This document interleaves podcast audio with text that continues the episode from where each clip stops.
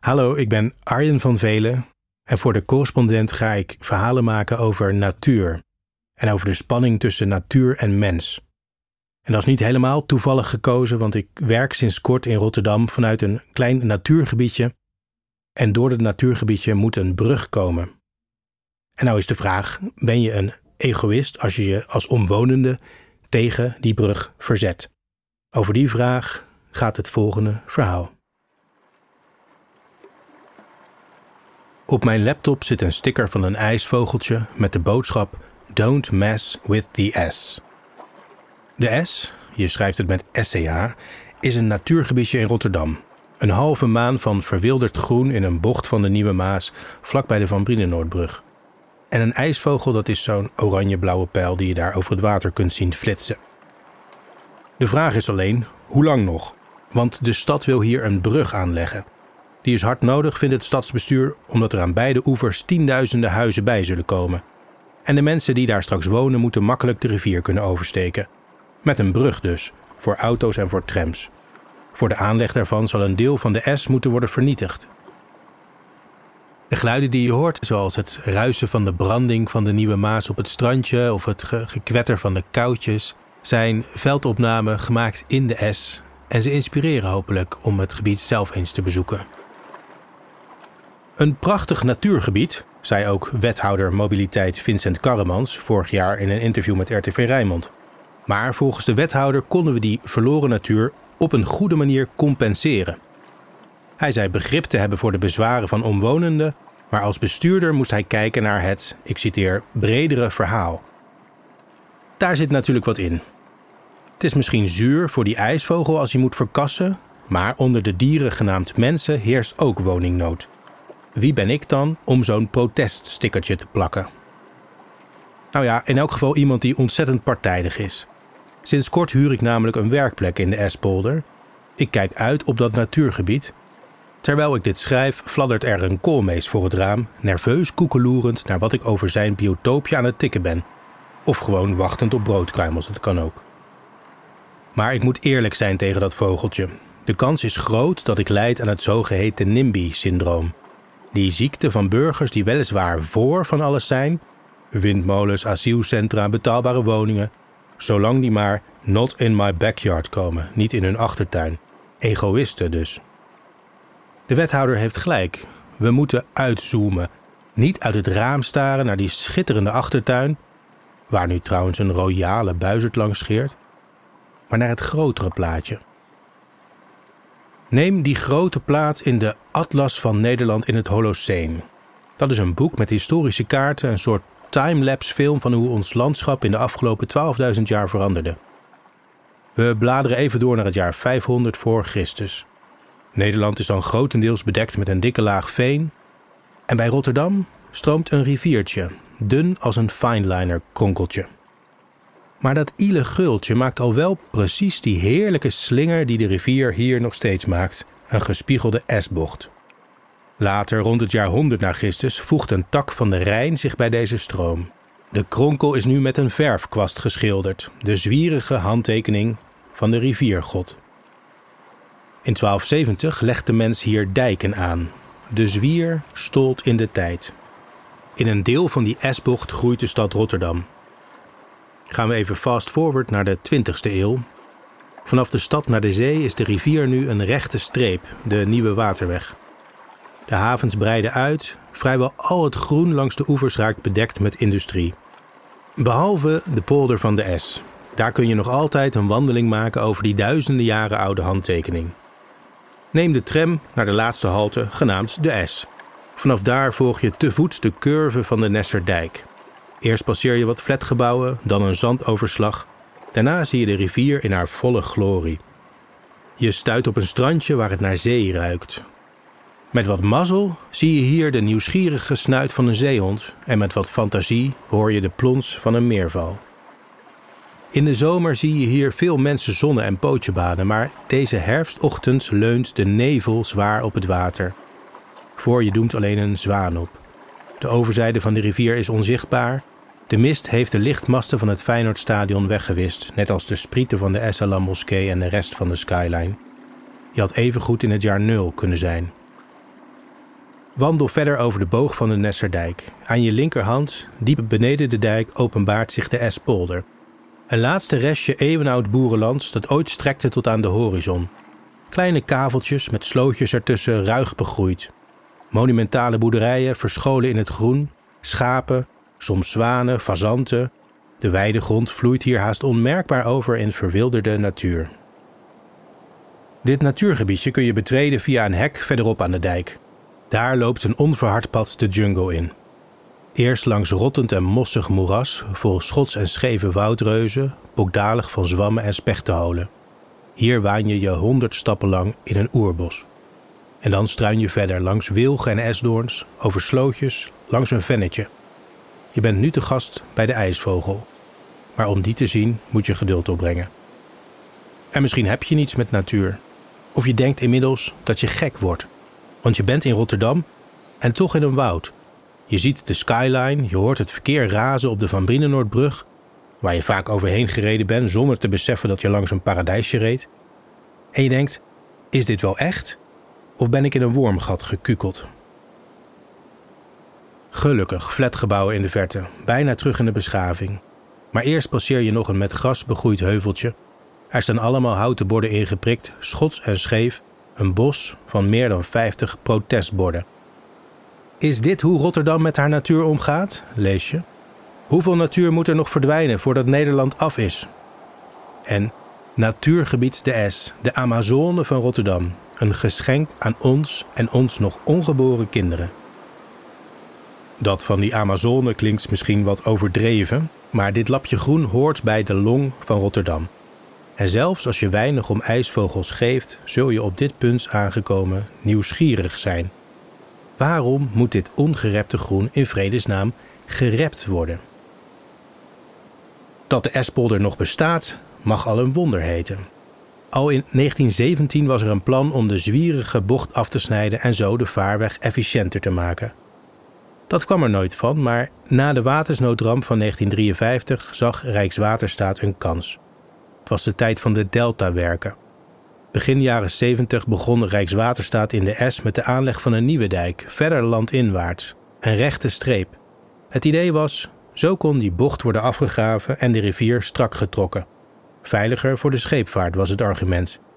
En ach, dachten ambtenaren, veel meer dan wat brandnetels had je toch niet in die bocht. Tot in de jaren 50 had je aan de Nesserdijk nog een levendig buurtje gehad met tientallen dijkhuisjes, wat kruideniers, een scheepswerfje, fabriekjes en een schoolgebouw.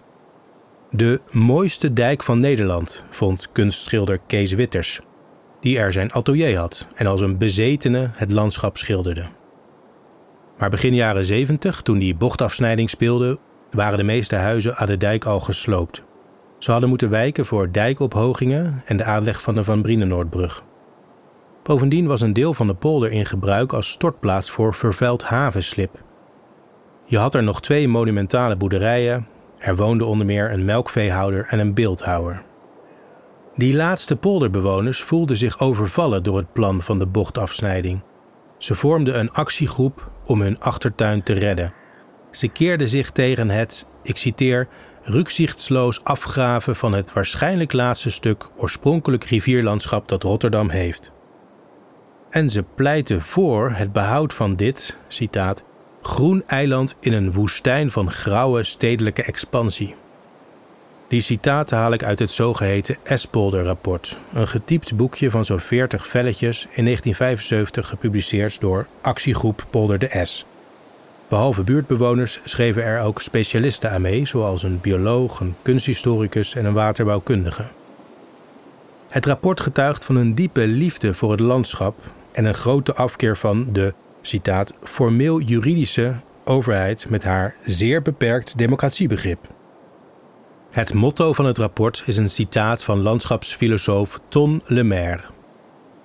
Wat beschermd moet worden is in feite de machteloosheid van de contemplatie van het schone en verhevene dat in de vrije natuur gezocht wordt. Het is de onttoverde wereld van de natuurwetenschappen en de techniek die het reservaat van de numineuze wereld van de natuurliefhebber bedreigt. Hoewel ik niet precies weet wat daar staat, snap ik het precies. Don't mess with the S. De rest van het S-rapport bestaat vooral uit een rationele kosten-batenanalyse. Met precieze beschrijvingen van wat verloren dreigt te gaan, de monumentale boerderijen, het unieke rivierlandschap, de polder. En tabellen van de vele waargenomen dieren en planten. En de baten? Die zijn er niet, stellen de schrijvers in een nautische studie. De bochtafsnijding lost geen problemen op voor de scheepvaart. In deze rivierbocht gebeuren namelijk nooit scheepsongelukken.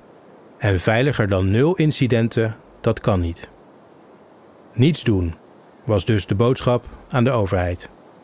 Maar niets doen is het moeilijkste wat er is.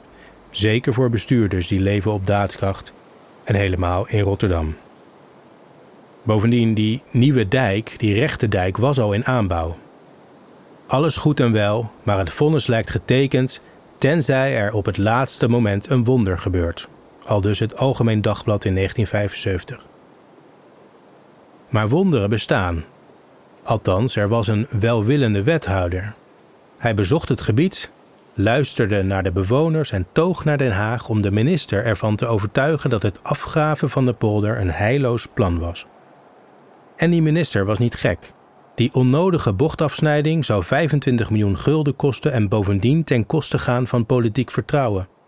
Wat ongetwijfeld hielp, was de kantelende tijdgeest. In de jaren 70 kwam de milieubeweging op. Het besef groeide dat je zuinig moest zijn op natuur. En nog maar kort daarvoor, in de jaren 60, was in Rotterdam een ander, veel groter natuurgebied aan de haven geofferd. Reservaat de Beer. Dit nooit weer was de stemming. Afsnijden Maasbocht gaat niet door, kopte het Vrije Volk in 1976. De polder was gered. Voorlopig althans. Voor de natuur begon de bloeitijd toen pas goed. Ironisch genoeg dankzij het giftige havenslip dat in de jaren daarvoor over de polder was uitgestort. Vanwege dat gif mocht er namelijk niets met de grond gebeuren. En omdat er niets gebeurde, gebeurde er juist van alles. Er schoten wilgen, riet en vlieren op, esdoorns en rode kornoelje. Er nestelden nachtegalen en zelfs een roerdomp. De S leek een nutteloze lus in de bocht van de rivier, maar juist de luwte trok hier vreemde vogels aan en niet alleen nachtegalen. Ook motorcrossers, kunstenaars, criminelen, mensen met een liefde voor de zwier, zoals een clandestine schaapsherder die een inmiddels verlaten boerderij kraakte. Hij waakte daar niet alleen over zijn schapen, maar ook over de polder zelf. En dat was nodig, want de dreiging van bochtafsnijding zou al die tijd boven de zwier blijven hangen. Halverwege de jaren 90 droomde de stad Rotterdam over een nieuwe stadsbrug. Architecten kregen opdracht schetsen te maken. Sommigen kwamen met bruggen die precies aanlanden in de S. We wilden ze gewoon lekker laten fantaseren over de toekomstige ontwikkeling van de rivierlocaties, zei een woordvoerder van de dienst Stedenbouw destijds tegen dagblad Trouw. Een fantasiestudie moet toch kunnen? Zeker, maar fantasie is zelden vrijblijvend. Rotterdam is verbouwereerd over plan voor nieuwe brug, kopte NRC een jaar geleden. Het nieuws, het stadsbestuur had een knoop doorgehakt. Er moest een auto- en trambrug komen. Die zou aanlanden in de S. Om schepen veilig langs de brugpijlers te kunnen laten varen, zou het topje van de bocht van de S moeten worden afgesneden. Het mooiste gedeelte van de Nesserdijk zou sneuvelen, inclusief de populaire strandjes en een monumentale boerderij. Een deel van het natuurgebied zou gespaard blijven. Maar voor een ijsvogel is het niet prettig eieren leggen met dagelijks 15.000 auto's langs je nest. Die brug kwam niet helemaal uit de lucht vallen. Al minstens vijf jaar werd er gepraat over een nieuwe oeververbinding. Alleen, er zijn natuurlijk. Om alle belangen te vertegenwoordigen, van binnenvaartschippers tot buurtbewoners, van natuurvrienden tot autoliefhebbers, was er jaren eerder een omgevingsberaad ingesteld. En dat beraad had vrijwel unaniem geconcludeerd: een tunnel was het beste voor de stad. Die zou immers de natuur sparen, minder overlast veroorzaken voor omwonenden en veiliger zijn voor scheepvaart. Maar vlak voor het omgevingsberaad dat advies kon uitbrengen, trad de wethouder naar buiten met die keuze voor een brug. Zijn redenering: een metrotunnel was inderdaad fantastisch, maar domweg te duur. Hij moest het doen met het geldpotje dat het Rijk beschikbaar stelde. En daar zat te weinig in, zei hij tegen RTV Rijnmond. Ik heb te dealen met de echte wereld.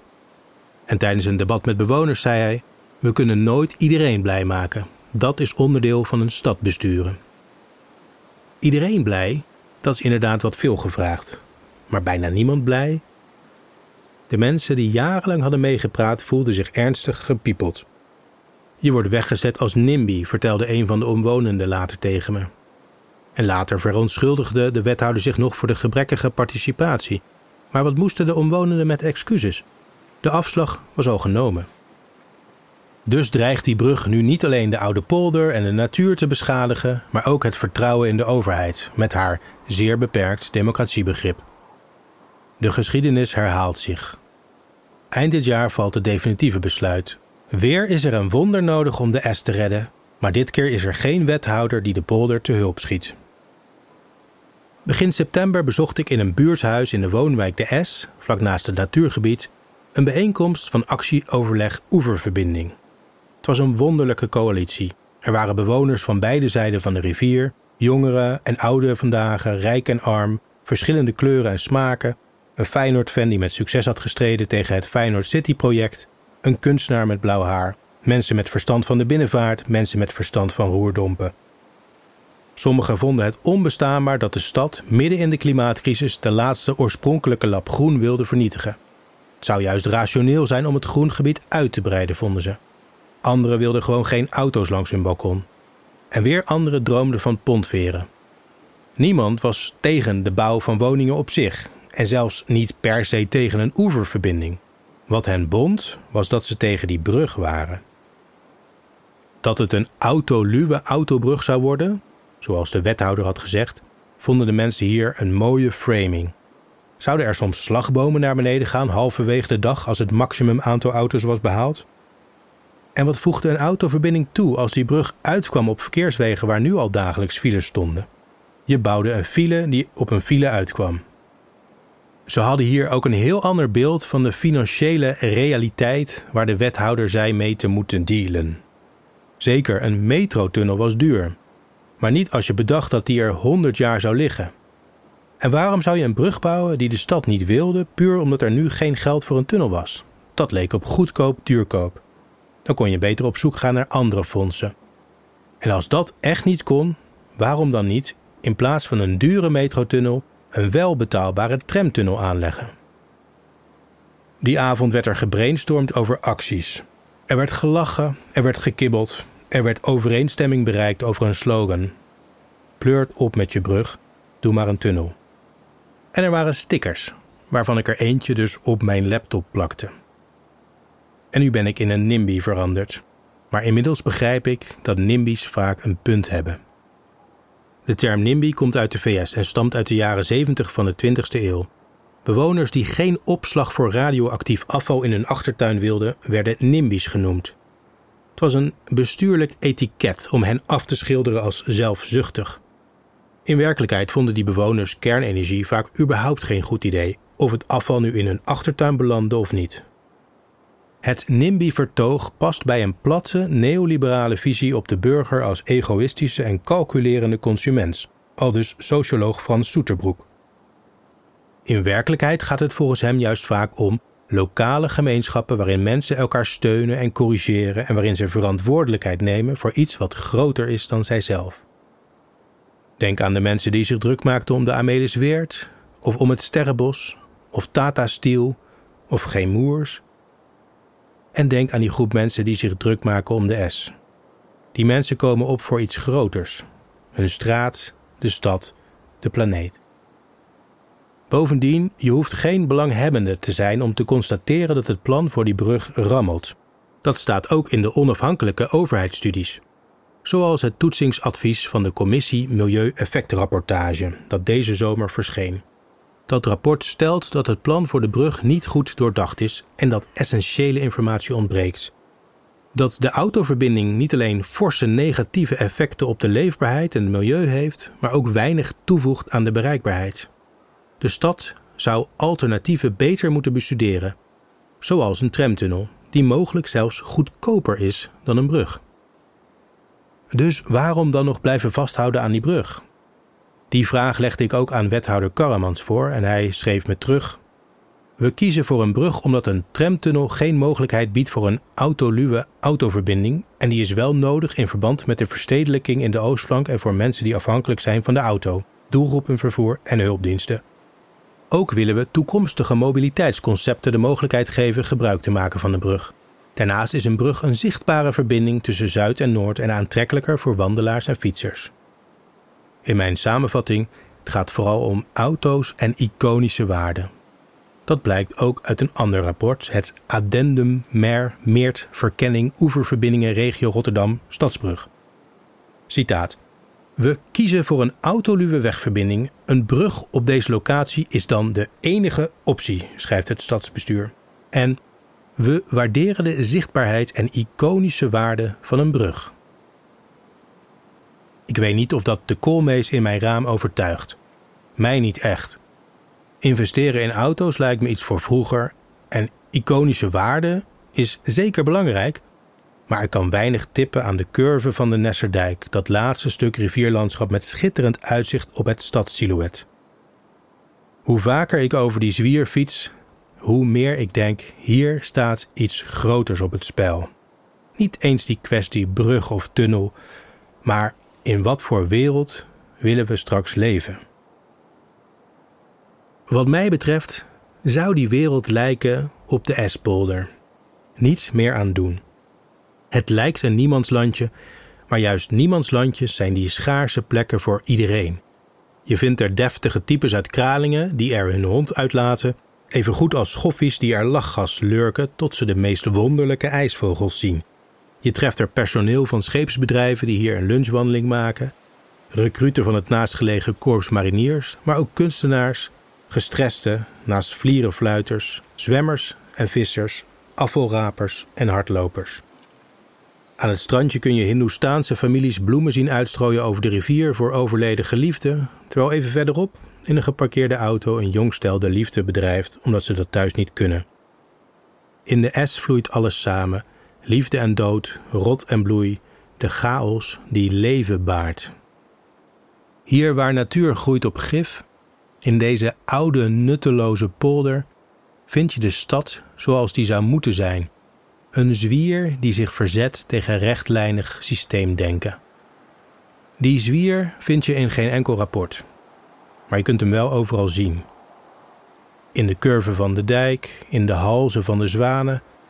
En laatst zag ik hem in de ogen van een vrouw van 77 jaar die in de Espolder opgroeide als dochter van een melkveehouder. Ze vertelde dat in de middeleeuwen in deze bocht een kapel had gestaan, bedevaartsoord voor schippers. Ook voor haar was deze bocht een heilige plaats. Heilig in de zin van onvervangbaar. Iets wat je niet kunt compenseren door elders een stukje groen te plakken. Zoals je een hunebed niet kunt vervangen door even verderop een stapel nieuwe keien neer te leggen. Ze vertelde over de uitgestrekte polders waar ze opgroeide. Lisdodden in de slootjes, pinksterbloemen en klaprozen op het land, over verdwenen buitenverblijven met onderaardse gangen. Over een eeuwenoude moerbijboom die er misschien al stond toen Franse legers over de dijk trokken. Over Mozart die hier zou zijn geweest. En over die keer dat ze haar vader voor het eerst had zien huilen. Dat was Oudejaarsdag 1957 in de koeienstal. Een ambtenaar had net, plomp verloren, verteld dat er een brug kwam, de latere Van Briedenoordbrug. Haar vaders boerderij moest gesloopt. Hij zag alles verloren gaan waar hij voor had gewerkt.